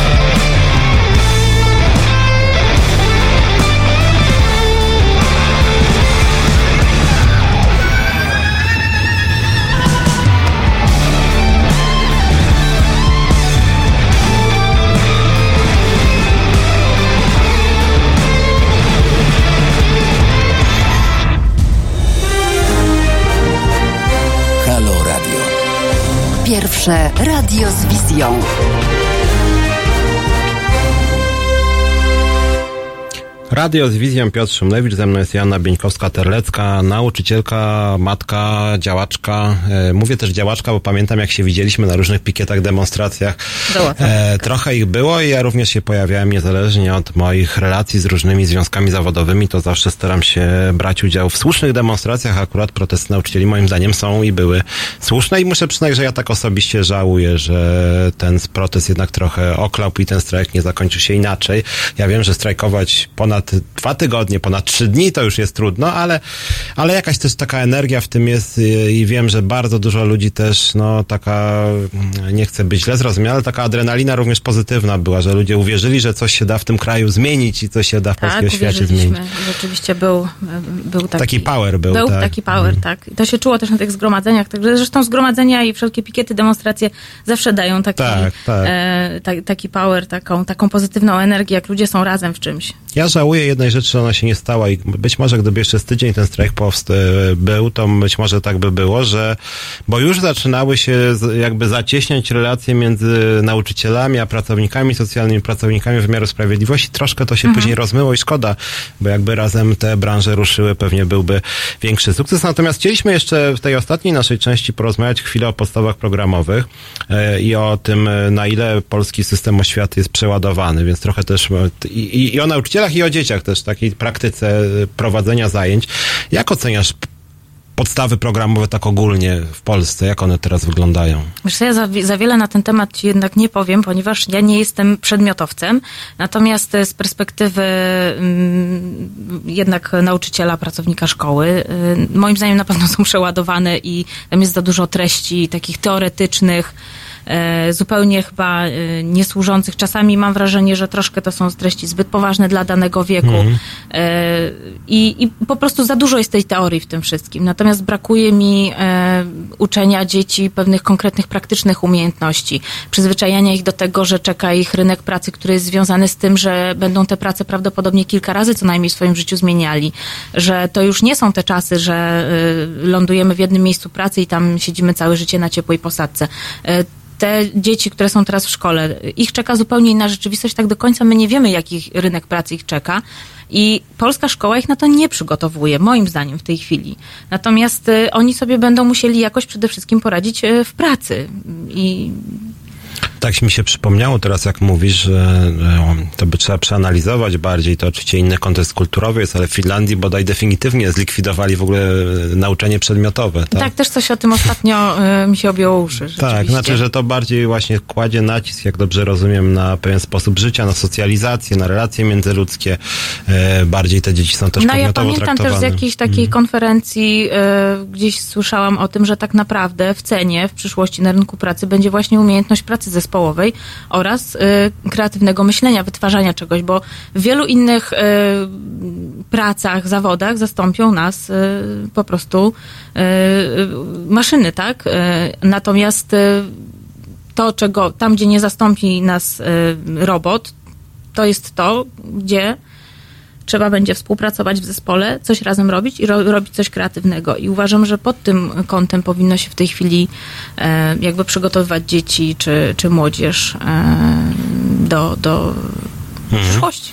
A takie by, pytanie bym powiedział ogólnoedukacyjne, bo e, wydaje mi się, że rzeczywiście dzieci się bardzo zmieniły, że tak powiem, w porównaniu do tego, co nawet było 10-15 lat temu. E, no ja widzę, no, my, my jesteśmy takim pośrednim pokoleniem, które na przykład w sieci bardzo mocno jest obecne, ale nie aż tak jak ci najmłodsi, młodzi ludzie. E, Z drugiej strony, no pojawiły się takie problemy, nawet w mediach się dużo mówi, nie wiem, właśnie jakiejś takiej, że ci młodzi ludzie często są samotni, siedzą w tej sieci, często się to krytycznie ocenia. Z drugiej strony, że jesteśmy społeczeństwem coraz bardziej znerwicowanym i te nerwice się jakoś na dzieciach e, odwzorowują. Tak, a dzieci nie uczymy na przykład radzenia sobie ze stresem. Tak, właśnie. Jak, jak oceniasz tą kondycję taką, no nie wiem, no nie, nie, nie jesteś też psycholożką, ale jako nauczycielka, jak widzisz, czy jest jakaś... Pedagogiem. E, No właśnie, jesteś No. pedagogiem, który ma pewne kompetencje psychologiczne właśnie i takie edukacyjne, e, no i masz taki całościowy ogląd. E, Jak oceniasz właśnie tą kondycję dzisiejszych młodego człowieka, nawet takiego dziesięciolatka? Co, coś, jakoś to się zmieniło dla ciebie widzialnie, że tak powiem, w ciągu 10-15 lat? Wiesz, no, dzieci mają teraz przede wszystkim dostęp do różnych treści pod, y, pod ręką, mają e, internet e, praktycznie bez ograniczeń. To już dużo zależy od tego, e, na ile rodzic tam mm, stara się to kontrolować. E, I dzieci i młodzież, moim zdaniem, coraz więcej też potrzebują e, różnych takich rozmów na tematy związane z psychologią, z tym, jak sobie radzić z pewnymi sytuacji, sytuacjami stresującymi, bo oni owszem, będąc e, w internecie, mają dostęp do przeróżnych e, filmików, e, śmiesznych, nieśmiesznych i tak dalej, ale nie mają, często brakuje im kogoś, kim, kto po prostu poświęci im trochę uwagi. Także szukają takiej osoby czy możliwości porozmawiania z kimś, wyjaśnienia, dlaczego, nie wiem, tak, a nie inaczej się zachowałem w danej sytuacji, takiego, takiego wsparcia po prostu psychologa czy pedagoga. I wydaje mi się, że tego powinno być więcej w szkołach w tej chwili. Tak, Taką mam e, refleksję, że nie tylko nauka, ale też e, jakby bycie z tymi dziećmi po prostu. A pod kątem e, komfortu pracy nauczyciela, e, czy, czy masz takie wrażenie, że na przykład e, ta praca jest trudniejsza, bo na przykład nie wiem, jest więcej agresji? Czy... Jest, zdecydowanie dzieci mają coraz więcej różnego rodzaju zaburzeń, trudniej radzą sobie z emocjami. To widać na lekcjach. W perspektywie lat, które ja pracuję w szkole, dochodzi y, częściej wie, do większej ilości sytuacji związanych właśnie, że dzieci nie, nie radzą sobie z jakimiś emocjami, ze złością y, i mm, generalnie widać, że, że problemów jest coraz więcej i tego wsparcia szko- w szkołach powinno być więcej. Ale to dotyczy też tych e, dzieci, nie wiem, 8-10 lat, czy... czy... Wszystkich. Każdej grupy wiekowej na dobrą sprawę. I, I czy względem widzisz na przykład to, że wśród nauczycieli też coraz częściej są jakieś formy, no nie wiem, kłopotów psychicznych, że sobie nie radzą z tym stresem, że na przykład czasem rezygnują z pracy ze względu na... Wiesz co, ja nie wiem dokładnie z jakich powodów rezygnują nauczyciele z pracy, chociaż y, widać było w, teraz y, po strajku, że, że przeszła taka fala rezygnacji. Dużo osób odeszło y, z pracy ze szkoły. Do końca nie wiem, jakie, z jakich powodów. Strajk też swoje zrobił, ale już zostawmy ten strajk. Na pewno i zarobki, ale mimo wszystko wydaje mi się, że y, radzimy sobie w, na, na swój sposób z tymi dziećmi, ale na pewno y, potrzeba y, też nauczycielom po prostu więcej wsparcia, ale gdyby mieli takie poczucie, gdybyśmy my mieli takie poczucie, że nasza praca jest doceniana, że, że ten rodzic czasem powie dobre słowo, czy nawet dziękuję, to uwierz mi, że naprawdę damy radę. Damy radę i, i będziemy się starali robić wszystko e, najlepiej dla tych dzieciaków. Zaraz będziemy kończyć, natomiast mieliśmy chwilę porozmawiać o ekspoze premiera, ale ja przesłuchałem dość uważnie ekspoze pana premiera i problem polega na tym, że tam Dobrze, prawie bo ja nic nie było. No właśnie. Ja próbowałam coś czytać, e, żeby się na dzisiaj trochę przygotować, co on tam powiedział, ale tak konkretnie Mm. Nic nie za prawie. bardzo. Właśnie niestety szkolnictwo nie było przedmiotem zainteresowania pana premiera, co jest smutne tak naprawdę. Bardzo. Rozczarowujące i dziwne. I nawet jak rozmawialiśmy wcześniej o tej płacy minimalnej, to nawet pan premier nie powiedział o tym wzroście płacy minimalnej, którą obiecywał, tak? W związku z tym Aha. nie było o płacach praktycznie nic i dlatego zajawiając dzisiejszą audycję mówiłem, że będę mówił o tym, o czym pan premier nie chciał nam powiedzieć, bo w Nie pierwszej chciał. części mówiliśmy między innymi o mobbingu, o tym też nie było ani słowa. I o szkolnictwie też było naprawdę bardzo, bardzo niewiele. Natomiast kończąc już może takie pytanie podsumowujące, jakbyś, e, co jest Twoim zdaniem dzisiaj takim najpilniejszym problemem polskiej szkoły? Co byś zmieniła? Yy, Taki nawet kierunkowo. Zarobki. Najpierw te zarobki. Uwierz mi, że ja mam takie marzenie, żeby kiedyś rodzice mówili swoim dzieciom, ucz się, ucz, żebyś został nauczycielem, żeby, żeby to był zawód, którego y, dzieci będą chciały wybierać, żeby to był zawód, z którego będziemy dumni, że jesteśmy nauczycielami. To bardzo bym chciała, żeby kiedyś tak było, żeby to był prestiż i, i też y, i zarobki, i szacunek społeczny. Y, natomiast y, od takiej strony szkoły. No dużo jeszcze jest na pewno do zrobienia, dużo się też e, poprawia na przestrzeni lat, ale, ale też właśnie może trochę jednak mniej tej teorii w tych, w tych podstawach programowych. Mówię tutaj bardziej jako matka po te, od takiej strony, mówię, nie uczę żadnego przedmiotu, także y, nie jest to dla mnie jakby. mm, Nie, nie mam na ten, na ten temat jakiejś obszernej wiedzy. Natomiast e, na pewno e, mniej teorii, więcej praktycznych umiejętności i, i takiego przygotowania do tego, jaki rynek pracy czeka te dzieci. Ale generalnie rozumiem. Większy prestiż zawodu i wyższe Tak. pensje jako podstawa. Dobra, to bardzo Ci dziękuję, że nas tutaj Dziękuję odwiedziłaś bardzo. i opowiedziałaś. Piotr Szumlewicz, Związkowa Alternatywa. Ja też Państwu bardzo dziękuję, natomiast bardzo zachęcam Państwa, żeby się Państwo interesowali problemami polskiej oświaty. Niezależnie od tego, czy Pan Premier się interesuje, czy nie, to naprawdę jako społeczeństwo dbajmy o polskich nauczycieli, bo to jest bardzo ważny i bardzo odpowiedzialny zawód. Bardzo dziękuję. Widzimy się za tydzień. Dziękuję bardzo.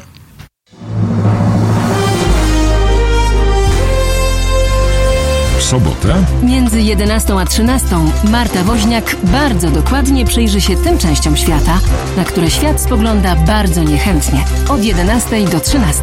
www.halo.radio. Słuchaj na żywo, a potem z podcastów.